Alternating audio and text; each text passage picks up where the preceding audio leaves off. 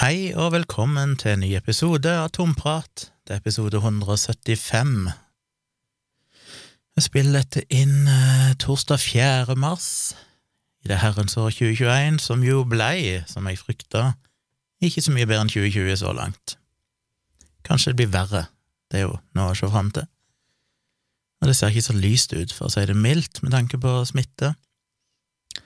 Apropos det, jeg fikk en eh, melding på Facebook ifra ei som var litt fornærma, virker det som, for at jeg i forrige episode hadde snakket om at vi i Oslo hadde hatt det så ille i 2020, eller de siste månedene, med lockdown og strenge tiltak, og, og jeg antyda vel at vi nesten fortjente litt ekstra vaksiner, siden det hadde vært verst der. Det var jo i utgangspunktet teit å si. Eh, det ble sagt i affekt, jeg får unnskylde meg med det.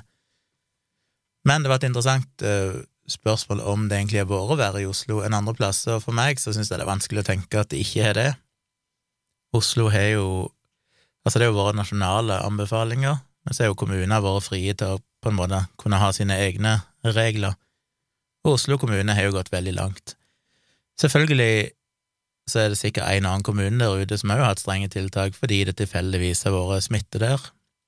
Kanskje noen har vært ute og reist eller et eller annet, og så har de hatt noen noen tiltak, men det er ikke noe tvil om at uh, hun som skrev den meldingen, skrev at de òg hadde fulgt de nasjonale, nasjonale retningslinjene og sånn, og det er jo greit nok, men det er jo langt på nær så strengt som det Oslo i perioder har hatt.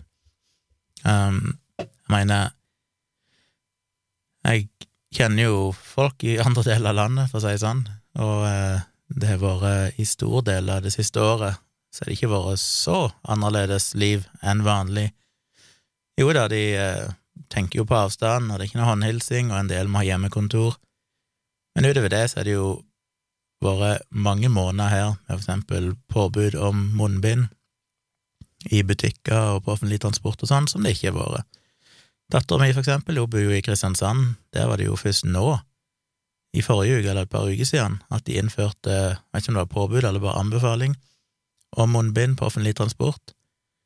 Det har de ikke hatt tidligere. Og når hun er hos meg, så spør jeg henne jo ja, hvordan er det jo i Kristiansand, liksom, men hun merker jo ingenting til, til noen pandemi i Kristiansand, og Kristiansand er jo tross alt en noenlunde stor by i norsk sammenheng, sammenlignet med alle bitte små byer og bygder rundt om i landet.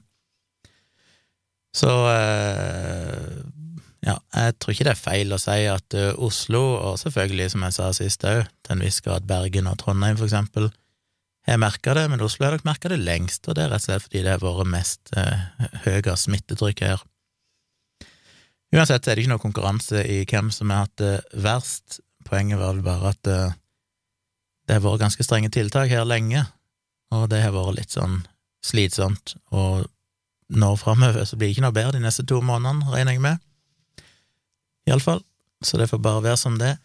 En annen ting jeg òg sa i forrige episode som eh, irriterte meg etterpå, det var at jeg snakka om dette med de vaksinedosene til Oslo, og for ekstra vaksine til Oslo, at det var fornuftig med tanke på smittevern, fordi det kom alle til gode. Jeg tror Wasim Sahid òg hadde en eh, ja, Jeg husker ikke helt hva han skrev, skal ikke gi han skylda for noe han ikke har sagt, eh, eller for at han har sagt noe feil, hvis ikke det var det han sa, men, men jeg argumenterte vel da med at eh, det var til det beste for hele landet, fordi det var mye mobilitet og mye gjennom, gjennomtrekk av folk i Oslo og sånn og det vil jo da òg begrense smitte til resten av landet. I realiteten så har jo ikke de ekstra vaksinedosene noe med det å gjøre i det hele tatt. Det er jo, det jo altfor få til at det vil ha noen effekt på smittespredning. Det er jo kun snakk om å kunne beskytte de mest sårbare, så det er snakk om å kunne vaksinere gamle og sårbare, utsatte personer litt fortere enn det som ellers ville vært mulig. Men det er ikke nok vaksiner til at det, altså det vil ikke være nok vaksiner til å vaksinere folk flest uansett, så det har ingen betydning for egentlig smittevern sånn sett. Så det sa jeg jo feil, rett og slett, så det må jeg jo bare få korrigert. Um, men ja, jeg er fascinert, og igjen, jeg går jo litt i surr hvor jeg snakker om ting. Jeg har jo denne podkasten med to episoder i uka og livestream to ganger i uka, og gjerne en ekstra livestream i tillegg til det samme med Tone så jeg husker jo aldri helt hvor jeg snakker om hva. Men det er mulig jeg irriterte meg over bloggerne tidligere, denne, denne TV-serien som heter Bloggerne. og det å se at alle disse influenserne gir totalt F i smittevern.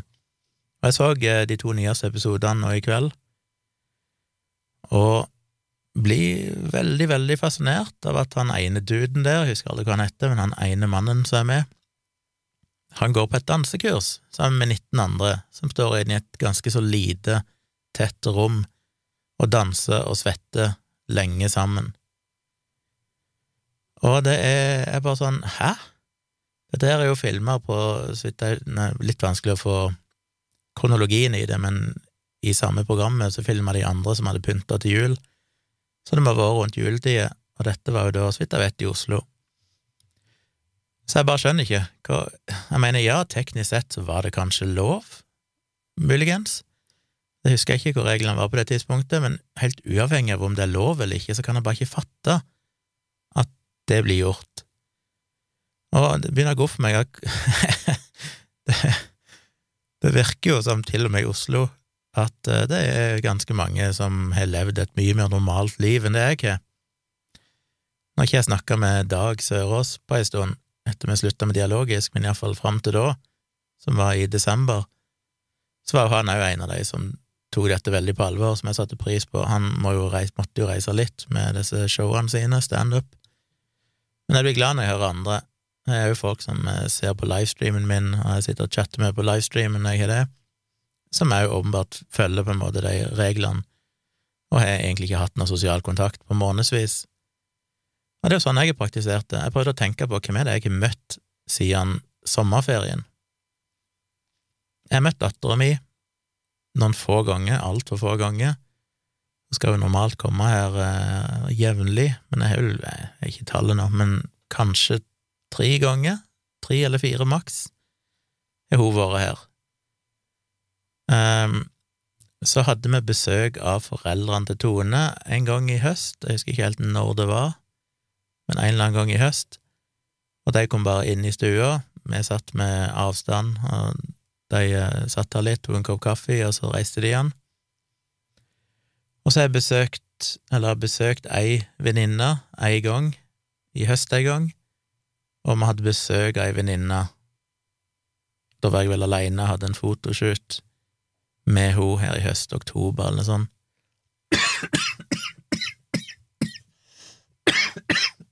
Oi sann. Lite snev av covid der. Jeg sitter her og drikker på Desperat etter å finne nye ting å drikke. Jeg drikker mye kaffe, jeg liker det selvfølgelig. Kakao er godt, sånn lettkakao, sånn pose. Men jeg er så glad i sjokolade og mint. Og vi snakket vel om det òg i livestreamen en gang, hvorfor Norge er så på etterskudd når det gjelder sjokolade og mint. Du er liksom after rate, og så er det kanskje en og annen liten ting. Men generelt sett er det helt sjokkerende for meg at det ikke det bare florerer av ting som er sjokolade og mynt, for det er jo bare den beste kombinasjonen. En av de få grunnene til at jeg går innom Starbucks når jeg ser en Starbucks, for der kan du få en kaffemokka med peppermynte, og det er det sjokkerende få andre plasser òg som har. Jeg kan ikke fatte at ikke bare peppermynte er liksom en sånn obvious ting du leverer med alt som inneholder sjokolade. Så i dag eh, bestilte jeg noe mat, eh, vi har bestilt hjemlevering av mat de siste månedene, for å unngå å måtte gå i butikken og sånn. Og i dag bestilte jeg fra Meny, og der hadde de sånne konfekter, eller hva det heter, som er sånn slankedrikk, basically, sånn eh, lavkalori sjokoladedrikk, og den har de faktisk med mynte. Og alltid når jeg er i butikker, inklusiv når jeg er i butikker jeg ikke normalt er i, store butikker, da tenker jeg her er de godt utvalg, så leter jeg etter sånn sjokoladedrikk med peppermynte, og de har det aldri. Den eneste jeg har funnet, er denne her konfekt, eller hva den heter, sånn eh, slankedrikk. Så den prøver jeg nå. Og den er faktisk eh, veldig god. Så kanskje jeg begynner å kjøpe det. Litt dyr, det er det eneste, så det er ikke så veldig økonomisk å drive og gøffe innpå med det. Men ja, det var en digresjon. Hvor var det jeg var hen? Jo, lockdown og bloggerne. De eh, Ja, dansekurs med 19 personer og så videre. Jeg bare skjønner det ikke. Jeg klarer ikke å forstå det. Jeg har som sagt hatt møtt de fire-fem personene siden i sommer. Det er alt. Jeg har ikke vært i en eneste greie, og så ser du bare bloggerne der de bare samles kronisk, og så har de den der idiotiske ideen om smittevern som får hjernen min til å få et bitte, bitte lite infarkt hver gang jeg ser på det. Og det er når de møter andre, så kan de ikke ta det i hånda, så de må liksom hilse med albuen, og så tilbringer de de neste tre timene sammen i et lite rom med en halv meters avstand, og står og snakker hverandre rett i trynet. Det er så forbanna dumt! og spesielt han der igjen, og han mannen som jeg aldri husker navnet på i bloggerne, som skal besøke familien sin, og kan ikke da hilse på mor si, kan ikke gi henne en klem, så han må hilse på henne med albuen. Men så sitter de sammen og spiser og prater da i timevis etterpå i et lite rom med gjester og alt mulig. Det er altså sånn Hvis du heller hadde tatt henne i hånda, og så etterpå prøvde å holde et par meters avstand, så hadde du sannsynligvis vært mye mindre smittefarlig, eller utsatt deg for mindre smitterisiko. Iallfall hvis du da gikk og vaska hendene, som er naturlig å gjøre. Men ja, det er frustrerende. Jeg bare fikk sånn lite vekkelse om at eh, shit, det er mange mennesker som har levd et ganske så normalt liv, og allikevel så sitter de og klager over at å, 2020 har vært så fælt, å, jo fuckings ikke tatt hensyn til 2020, 2020 har jo ikke eksistert for disse menneskene. Eneste funksjonen 2020 har hatt for de folkene her, er å ha noe å klage på, for det ser jo ikke ut til å påvirke livene deres en damn shit. Og ja, jeg er kanskje litt sur, for det at eh, som sagt, jeg har sittet inne nå i månedsvis på mitt hjemmekontor, og i løpet av de siste seks månedene så har jeg kanskje møtt fem personer. Det er liksom alt. Det er det, er det jeg tenkte dette handler om. Det handler ikke om at du skal bare leve normalt og så hilse med albuen. Det og det er så urettferdig, for det rammer alle. Det er sånn, ja, kan ikke disse her idiotene som bare ikke har gidda å brydd seg de siste månedene, kan ikke de få en eh, tredje bølge opp i ræva si? Så kan vi andre begynne å gå tilbake til normalen, vi som faktisk har prøvd å holde disse bølgene nede. Men nei, det ser ikke sånn ut. Så det var en liten eh, frustrasjon, et par korreksjoner. Eh, og apropos det med jeg, jeg vet ikke om jeg sa det, men jo, jeg har sympati selvfølgelig for alle andre steder i landet òg som er blitt påvirka, for det er mange forskjellige skjebner, mange forskjellige situasjoner. Uansett hvor du bor, så er det selvfølgelig folk som har måttet ta spesielle hensyn av ulike forhold, som gjør at 2020 har påvirka de hardt, selv om de kanskje ikke bor i Oslo. Så for all del, men eh, igjen, jeg tror Oslo har praktisert de kanskje strengeste tiltakene, målt over lengre tid. Ja, Bergen og Trondheim og sånn har jo hatt strenge tiltak, men i varighet så er nok Oslo i sum det siste året hatt de strengeste tiltakene. Og så er det kanskje noe at du merker det mer her òg. Jeg mener, hadde jeg bodd på Tonstad, og du hadde hatt de tiltakene som er her, så hadde jeg jo basically ikke merka det. For det er jo ikke noen butikker å stenge der. Det eneste som finnes, er jo dagligvarebutikker, og de hadde jo hatt åpne uansett. Eneste jeg hadde merka, var at jeg hadde brukt maske i butikken, men det er jo ikke noe offentlig transport eh, som jeg hadde benytta meg av til vanlig. Eh, ja, det hadde vært særs lite, egentlig. Og jeg kjenner jo folk her i Oslo òg, som har gått på kontoret hver dag i løpet av hele siste året, som jeg òg blir bare litt mindblown av. Det er sånn, ok, så du tar offentlig transport en halvtime inn til sentrum av byen og, og går på kontoret? Ja, ok, jeg igjen, eh, folk har sine grunner, og det kan være det spesielle situasjoner som gjør at det er nødvendig, men for meg høres det veldig unødvendig ut. Selv om det selvfølgelig går bra for dette individet, så er det ikke det det handler om. Det handler om total mobilitet i sum av alle som må ned. Men ja, nok om det. Um, jeg fikk òg rett før jeg begynte å spille inn, så fikk jeg melding av en, uh, en gammel kompis ifra mine heimtrakter, som sendte meg en link til ei nettside på Facebook, mener jeg, Facebook-sida, som heter Kirstens Healing. Jeg har hørt om henne før, hun holder jo til i, på Lindesnes eller noe sånt, tror jeg. Hun er en liten helt uh, i det området, det området jeg kommer ifra. Eller ikke så kjent, men jeg har hørt om henne før. Og hun har altså en nettside som heter Kirstens Healing, og ei Facebook-side som heter Kirstens Healing. Og den posten hun sendte, han sendte til meg, det var En kort post ble posta for en time siden, der det står 'Ferdig'. Neste gratis felles fjernhealing blir torsdag 11. mars 21 til 21.30. Skriv noe under denne statusen dersom jeg får lov til å ta deg med, altså en rose-emoji. Eller tulipan, eller hva helsike det er for noe. Ja, og oh shit, der sa faktisk ei som lika det, som jo er Hæ, er hun lika den? Ei som er skeptiker, så vidt jeg trodde, hun visste. Men ja, hun driver, når du ser på, går videre inn på selve sida hennes, er jo det eneste hun poster, da, det er hver uke, hver torsdag, så poster hun en sånn Nå starter snart neste fjernhealing, skriv navnet hvis jeg får lov å ta deg med i healingen. Og så kommer det jo fuckings på denne her, så det er 358 kommentarer, på noen av de andre så er det over 500 kommentarer. Og det er bare sånn ja takk, ja takk, min familie og meg, tusen hjertelig, og ja takk neste gang også, ja takk til meg og mine, ja takk, det får du lov til.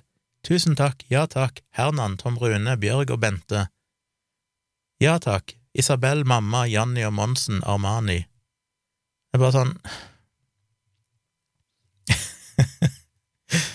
Når du ser hva de hører til, er sånn, ja takk til neste gang til meg, Toril, Katrine, Cindy, Målfri, Gunvor og Kjell. Når de heter Cindy, da vet du at de kommer fra kvinnesalsområdet. Men ja, det finner jeg dypt foruroligende, at det faktisk finnes så mye mennesker som virkelig tror at dette har noe for seg, som bare, hvis du bare skriver opp navnet ditt i en Facebook-kommentar under en post om fjernhealing, så bruker hun en halvtime i uka på å fjernheale flere hundre mennesker. Lurer på hvordan det fungerer, egentlig. Må hun lese opp navnet på de inni seg, eller er det bare nok at de skriver kommentaren, så blir de så sørger universets magiske krefter for at de blir tatt med.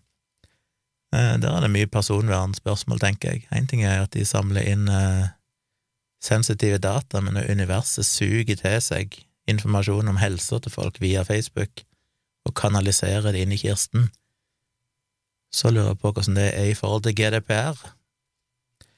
Ja, så du kan gå inn på Kirsten Siling, det er altså en alternative, en holistic health service. Det er fuckings nesten 14 000 som liker den sida hennes. 14 000.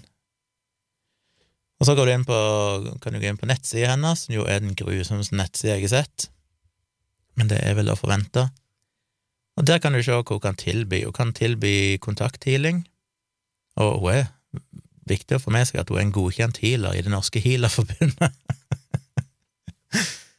Åh, av alle godkjenninger så tar vel det kaka. Hun tar 600 kroner timen, og det inkluderer to fjernhealinger. Men det er ikke sånn, det er jo ikke noen upris, det. 600 kroner timen for en privat aktør er ikke spesielt ille, så sånn sett er jo prisene overkommelige. Fjernhealing så tar hun faktisk bare 100 kroner per gang, og det varer i 30 minutter. Så det er jo interessant at når hun fjernhealer på på kommando, alt det vil si. Når du bestiller fjernhealing, så får du 30 minutter, og det koster 100 kroner. Men hver torsdag, hvis du bare skriver navnet ditt i kommentarfeltet, så kan du sammen med hundrevis av andre òg bli fjernheala i løpet av en halvtime. Så jeg vet ikke hvordan matematikken i det går opp. Hvis du jeg en halvtime på å fjernheale én person, men du kan helbrede eh, fjernheale 500 personer på samme tid, så er det jo åpenbart en sånn parallell fjernhealing som pågår. Så ja, det må jo bety at du kan ikke lese opp navnene i serie eller noe sånt, det går ikke an, så hun må liksom bare være nok å skrive navnet i kommentarfeltet. Um, ja, så er jo selvfølgelig krystallhealing, som det koster 300 per behandling, står ikke hvor lang tid det tar, men står bare per behandling. Hun holder noen kurs og sånn, som selvfølgelig koster noen tusenlapper, men det det står mest om, merkelig nok, er ørelysbehandling. Det koster 350 kroner og varer 30 minutter. Og ja, en kan si hva en vil om healing, det er såpass diffust, men ørelysbehandling, det er iallfall noe konkret. Det er jo sånn da du har sånn Hva heter det? En kone? Eh, cone? Hva heter det igjen?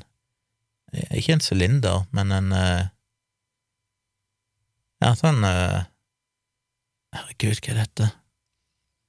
Ja, iallfall sånn eh, sylinder som blir smalere i den ene enden, som du putter inn i øret, og så blir det tent på de, og så er jo teorien at det dannes et vakuum som på en måte suger ut urenheter sånn av øret ditt, ut av mellomøret. Kan utjevne trykk og drenere væske og sånn, som jo selvfølgelig bare er rein bullshit. Eh, mellomøret? Så i verden skal du få tilgang til mellomøret? Og jeg skal utligne trykk, som jo òg er veldig merkelig. med ei trommehinne der, jeg vet ikke hvordan de mener dette trykket skal bli utligna eh, den veien. Det er jo fysisk umulig. Eh, og det har jo vært gjort noen studier på dette tidligere, for dette er jo en sånn ting du aldri blir kvitt. Det går litt sånn perioder der det er veldig populært, og så kommer det en del kritisk om det, og så kanskje døde litt ned, og så kommer det tilbake igjen. Fordi det har en overbevisende effekt, fordi at denne her bivoksen som er innsatt med eterisk olje, smelter jo selvfølgelig når du setter fyr på det. Og dermed så kan de etterpå da få masse gøgg ut av øra, som da blir liksom fremstilt som at dette kom ut av øret ditt, men det er jo bare restene av det du faktisk brenner og smelter i øret. Og det er jo sterkt fraråda, for det har jo vært en del skader med det, folk som får brannskader, setter fyr på seg sjøl og sånn ved å drive på med dette her. Jeg tror ikke det er den største risikoen, iallfall hvis det blir gjort av noen som har erfaring med det. Men jeg syns det er drøyt at hun Det er ikke bare sånn at hun tilbyr det for velvære og sånn, men hun tilbyr det for nedsatt hørsel, øresus, kløe i øra, tinnitus, altså, eh, kronisk og akutt mellomørebetennelse, eh, væskeansamlinger, nedsatt hørsel, bihulebetennelse, svimmel, balanseproblemer, propper i ørene, og ikke minst så gjør dette for barn òg, da, som har gjentatte ørebetennelser eller nedsatt hørsel. Det er ganske grovt, synes jeg, å tilby en ren tullebehandling som òg potensielt sett kan være farlig, til barn som kanskje sliter med gjentatte ørebetennelser og nedsatt hørsel, eller folk som sliter med tinnitus. Det er Eller kroniske mellomørebetennelser.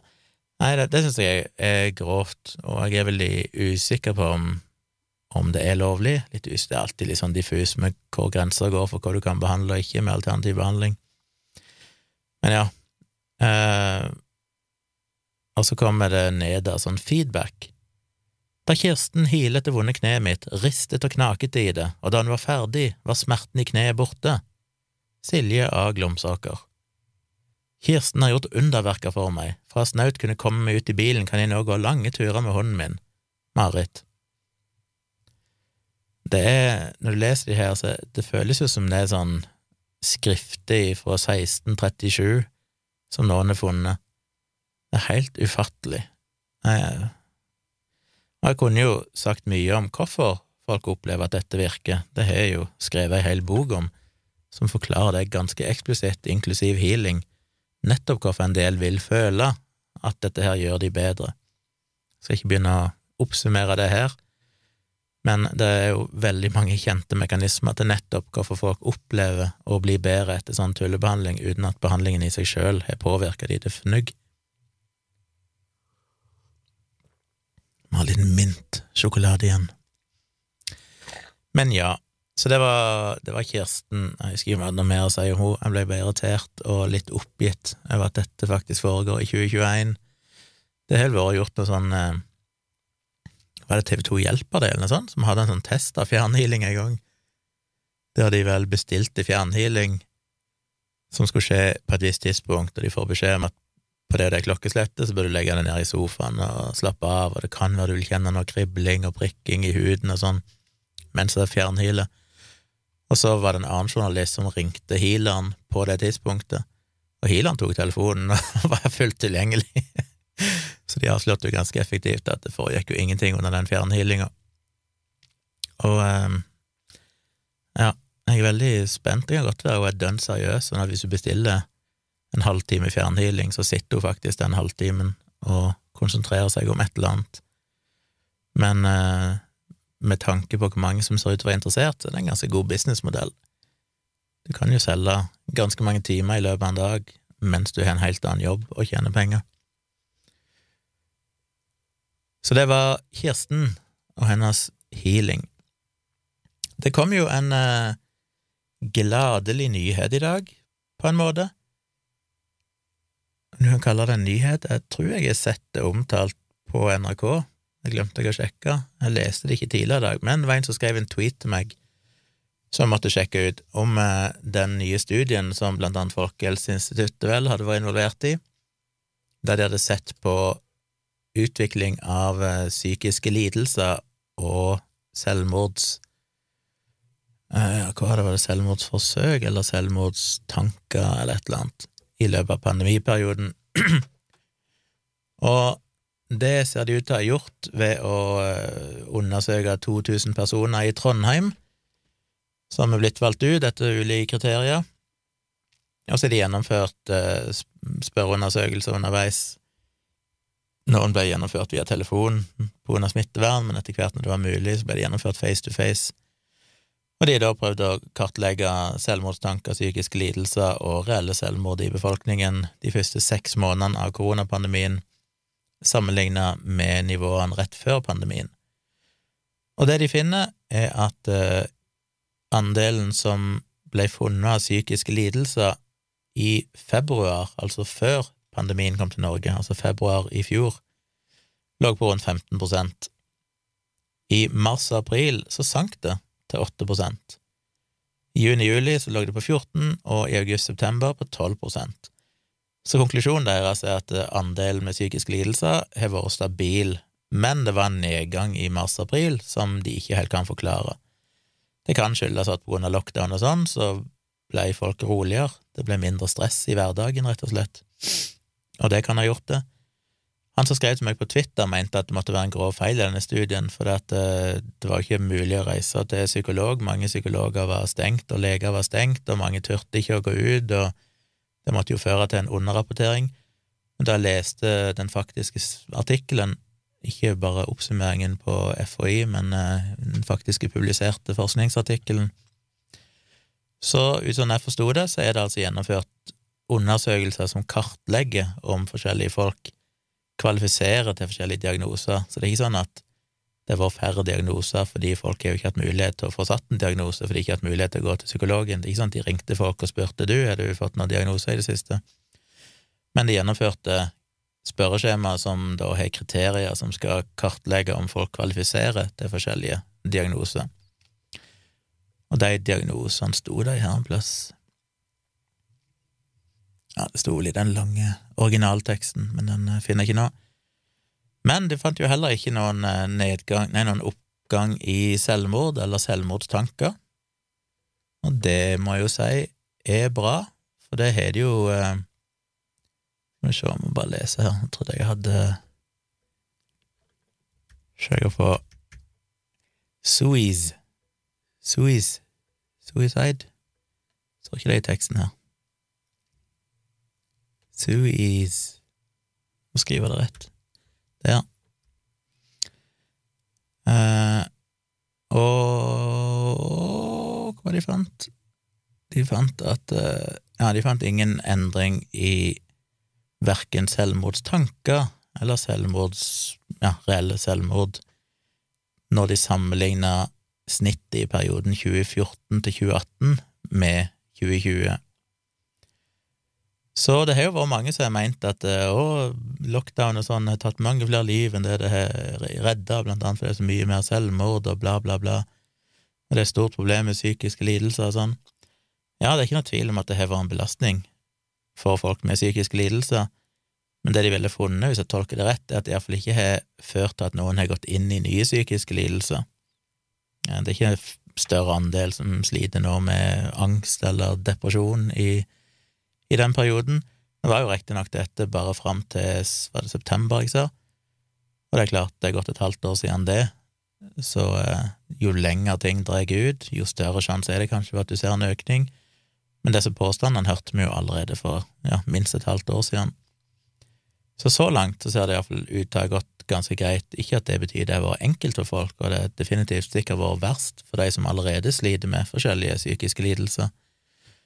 Men eh, det ser ikke ut til å liksom ha, ha trykka andre folk som ikke hadde noen historikk med psykiske lidelser, over i det på grunn av eh, pandemien, og det har heldigvis ikke ført til en økning i selvmord. Så det syns jeg var var gode nyheter. Men det er tidlig, tidlig fortsatt. Jeg håper jo de fortsetter, og vi får se om et halvt år fram i tiden, om de kan kartlegge perioden fra oktober til februar, for eksempel, og se hvordan, eller mars, og se hvordan det har gått, og, og holde den studien gående, for det er klart, tid er jo en faktor her. Jeg linker jo til de her artiklene eh, under podkasten, så hvis dere sjekker ut det, så finner dere de. Normalt så finner dere de i podkastappen. Må igjen minne dere på, og gjerne tipse andre om at det som sagt ligger muligens to versjoner av Tomprat der ute. Den ene har ikke fått noen oppdatering av episoder på ei stund, den andre er up to date. Jeg fikk nylig en melding av ei som sa at hun fikk ikke noen nye episoder. Måtte fortelle henne du må bare unsubscribe og søke opp Tomprat på nytt og legge til den andre som ligger der. Og det varierer litt fra app til app, om de har bare én, den korrekte, eller om de har begge, både den inkorrekte og den korrekte. Men hvis dere hører noen si det, eller lurer på at det ikke kom noen nye episoder, ikke at det er så jævlig mange som hører på at det er statistisk stor sjanse for at dere går rundt og snakker om det, men kanskje dere har en venn som òg tilfeldigvis hører på Tomprat og ikke har fått nye episoder, så kan dere jo tipse dem om det. Det kom òg en eh, artikkel eh, på bloggen til Edzard Ernst, som jeg jo er stor fan av. Han var vel til og med med i Folkeopplysningen, var det første sesongen de hadde når de hadde om alternativ behandling. Han er jo en tidligere, hvis jeg husker rett, han har vel vært homopat opprinnelig.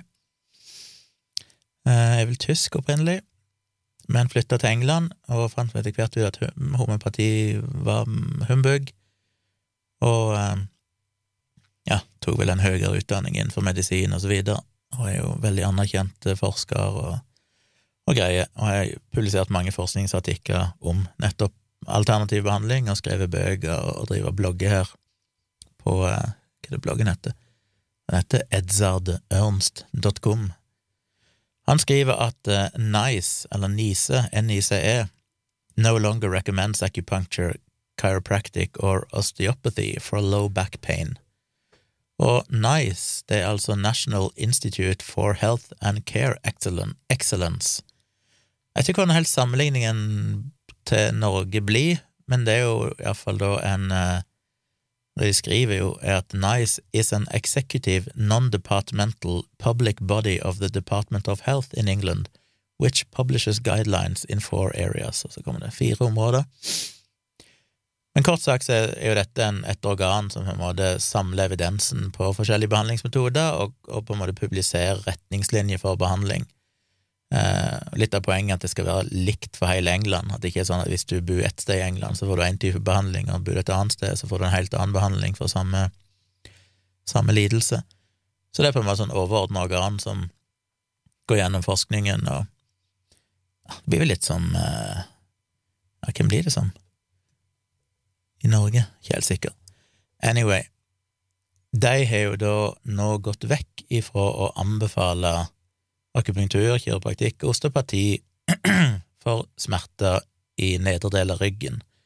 Gjerne det vi kaller for korsryggsmerter, kanskje, eller lumbago. Og de har tidligere hatt det. Eh, liksom bare anbefalt at du kan prøve akupunktur, eller du kan prøve kiropraktikk eller osteopati hvis du sliter med spesielt kroniske smerter i nedre del av ryggen. Retningslinjene er vel sånn i England, ble endra der òg for husker ikke hvor lenge siden det var, et år eller to eller tre siden, og tror kanskje det er sånn i Norge òg, at du skal ikke gi noen behandling til folk med ryggsmerter um,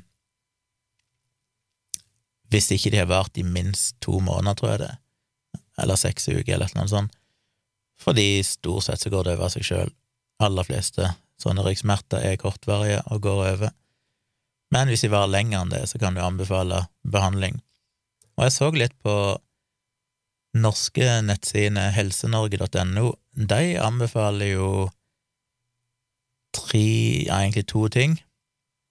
Det ene er Ja, eller tre ting, vel, egentlig. De anbefaler jo legemidler, og da sier de smertestillende legemidler som paracetamol eller et ikke-steroid antiinflammatorisk medikament, altså NSAID, som ibuprofen kan gi kortvarig smertelindring og bidra til å holde aktivitetsnivået oppe. Eh, Og hvis ikke det virker, så kan du få legen til å skrive ut sterkere smertestillende, sånn som tramadol, for eksempel, i korte perioder. Og det er kanskje utdatert, for ifølge de nye retningslinjene til NICE, eller NICE, så sier de at paracetamol ikke ser ut til å ha noen effekt.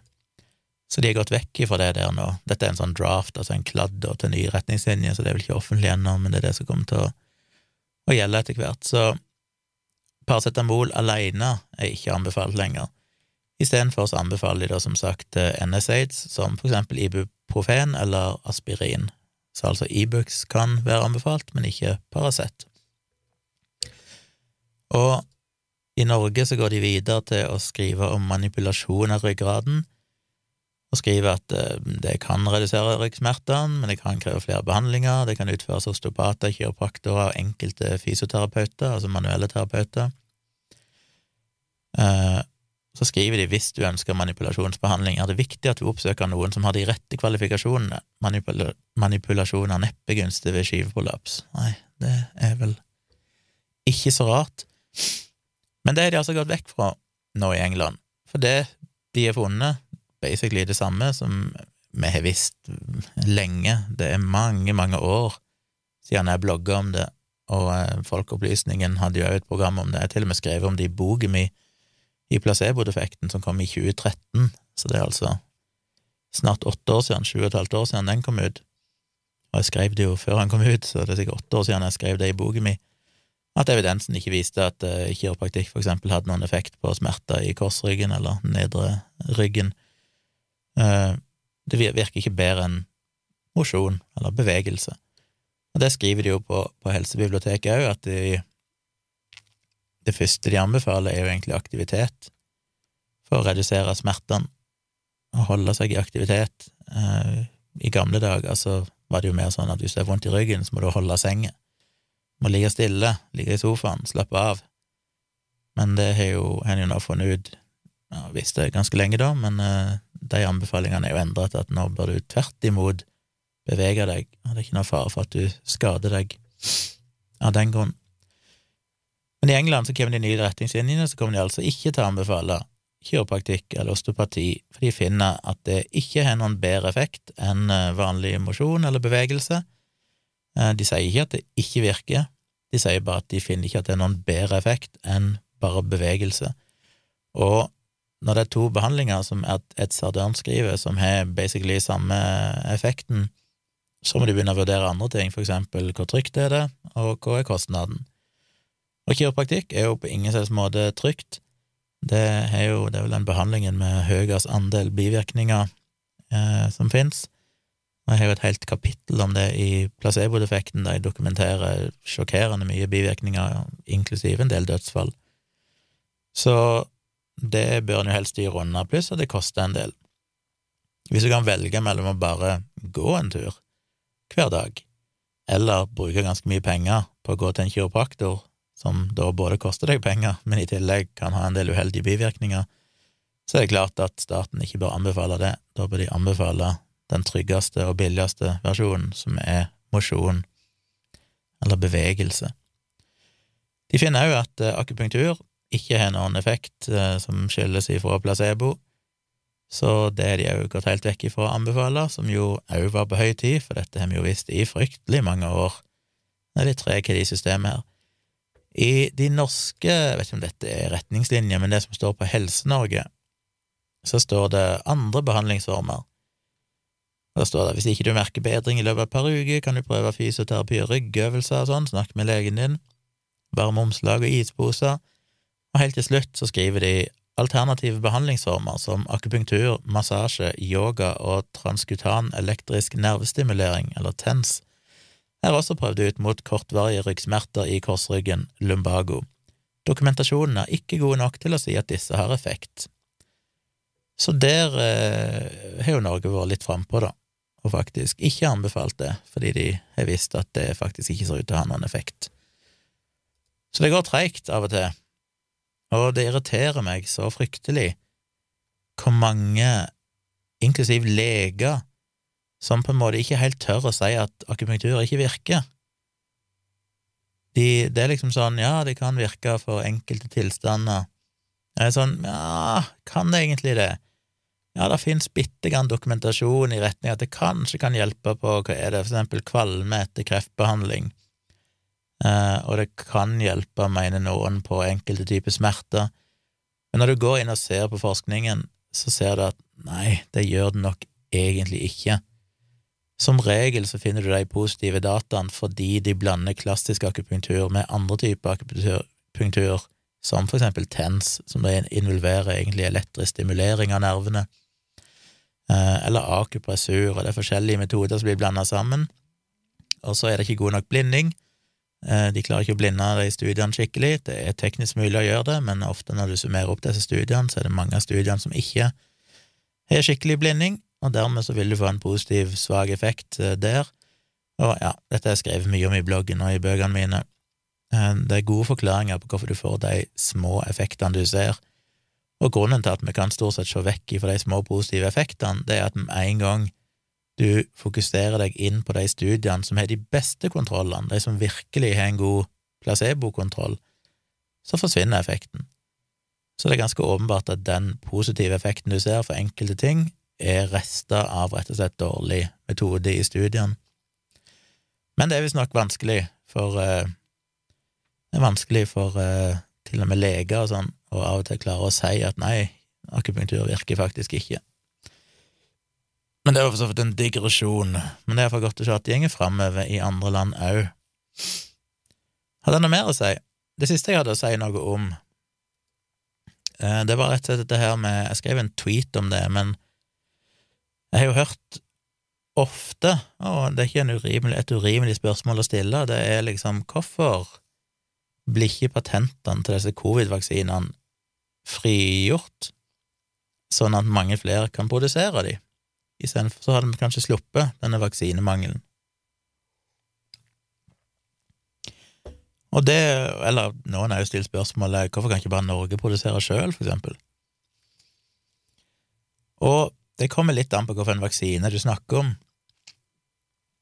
Jeg vil anta at det burde være teknisk mulig for en del aktører å produsere vaksinene som for eksempel AstraZeneca og den Johnson Johnson-vaksinen baserer seg på, for det er jo modifiserte virus, basically, og det er ikke så teknisk krevende.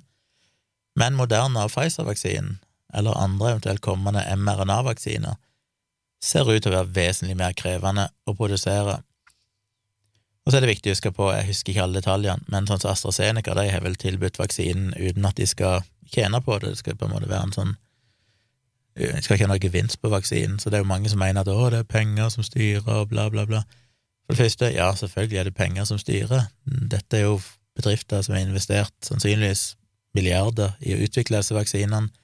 Det er ikke urimelig at de ønsker å sikre seg penger tilbake igjen. Men eh, det er jo aktører da som gjør det uten at eh, målet er profitt. Men hva er det jeg skulle si, jo, denne artikkelen, hvor var det den lå hen? Jeg finne den igjen, det er så mange faner oppe her. Igjen, jeg skal dele denne artikkelen òg i uh, referansene, holdt jeg på å si, under podkasten. det er en artikkel som er publisert på sciencemag.org, som heter Myths Myths of Vaccine Manufacturing. Den ble skrevet 2. februar i år, og den tar for seg hvorfor er det så komplisert. Og mange har kanskje tenkt på at ja, det som tar tid, er, er, er, på en måte produksjonen, altså volumet og distribusjonen og sånn, og ja, det er mange faktorer her som spiller inn. Han, han remser opp seks steg i prosessen med å lage disse mRNA-vaksinene. Skal prøve å simultanoversette de. Steg nummer én er å produsere den delen av DNA-et som du trenger for å få det transkribert over til mRNA. Det pleier de å gjøre i bakteriekulturer. Steg to det er å faktisk produsere dette mRNA som du trenger til vaksinene, ifra dette DNA-et du har laga, eh, som blir gjort ved bruk av enzymer i en bioreaktor. Steg tre produsere lipidene, heter det det på norsk? Lipids, altså fett, fettsyrene eller fett et eller annet, som du trenger til vaksinen. Noen av de er ganske vanlige, for eksempel kolesterol, andre er ganske mer sjeldne og kompliserte. Steg fire ta mRNA som du nå har produsert, og disse lipidene, eller fettpartiklene, og kombinere de sammen. Du kan jo se for deg dette som små bobler av fett, mikroskopiske bobler av fett med mRNA inni. De boblene av fett er der for at du skal kunne snike dette mRNA inn i cellene uten at immunforsvaret vårt tar knekken på det før det kommer så langt, når du har sprøyta det inn i muskelen. Så de må på en måte pakkes inn i sånne, ja, sånne mikropartikler. Steg nummer fem, da er du disse ferdige små fettboblene med mRNA, altså. Det må du da blande sammen med resten av ingrediensene i vaksinen, som kan være salt og sukker og sånne ting. Og nummer seks, få dette, denne vaksinen da oppi beholdere, oppi pakker, oppi kasser, oppi containere, ut eh, av fabrikken, på lastebiler og fly, og få det rundt i verden. Og så fortsetter han med å skrive litt mer i detalj om hver av disse stegene innebærer, men påpeker at steg én, to, tre, fem og seks eh, er helt overkommelig, på en måte. Det er nok ganske mange som kunne gjort akkurat det. Men steg fire, altså å få dette mRNA-et inn i disse fettpartiklene, er det kompliserte punktet. Og der skriver han at du må ha noen veldig spesielle maskiner som gjennom en ekstremt høy grad av presisjon klarer på en måte å få plassert Du kan jo bare tenke deg at det er jo basically et lite molekyl som bare skal inn i en mikroskopisk liten boble. Du skal ha en eller annen maskin som klarer å injekte dette her inn i sånne mikroskopiske, basically usynlige bobler i enormt store antall, veldig, veldig fort. Og de maskinene er neppe dagligdagse, som man skriver. Han vet vel om et par plasser. De produserer disse mRNA-vaksinene, der de helt åpenbart må ha en sånn spesialbygd maskin, men det er vel så godt som ingen andre vaksineprodusenter som har det, for det er jo aldri blitt brukt tidligere i vaksiner, så det er jo ikke sånn at Merck og GlaxoSmithKline og alle de andre sitter med sånt utstyr, fordi det har de aldri hatt behov for tidligere, sannsynligvis. Og han peker òg på at uh, det er jo andre vaksineaktører som uh, har meldt seg til å hjelpe til å produsere vaksiner. Men eh, da peker han vel på Sanofi, som jo er en av de største vaksineprodusentene fra før. De har sagt at de vil hjelpe Pfizer og BioNTech, da, som lager den Pfizer-vaksinen. Og de meldte Ja, de har iallfall meldt tidligere at de vil være med, men de vil ikke egentlig kunne bidra før i august. Og det sier litt, sier han i denne artikkelen, selv om en av de store, tunge vaksineprodusentene vil trenge mange måneder før de er klare til å kunne bidra til produksjonen. Så det sier litt om at det åpenbart ikke er så veldig enkelt, dette her.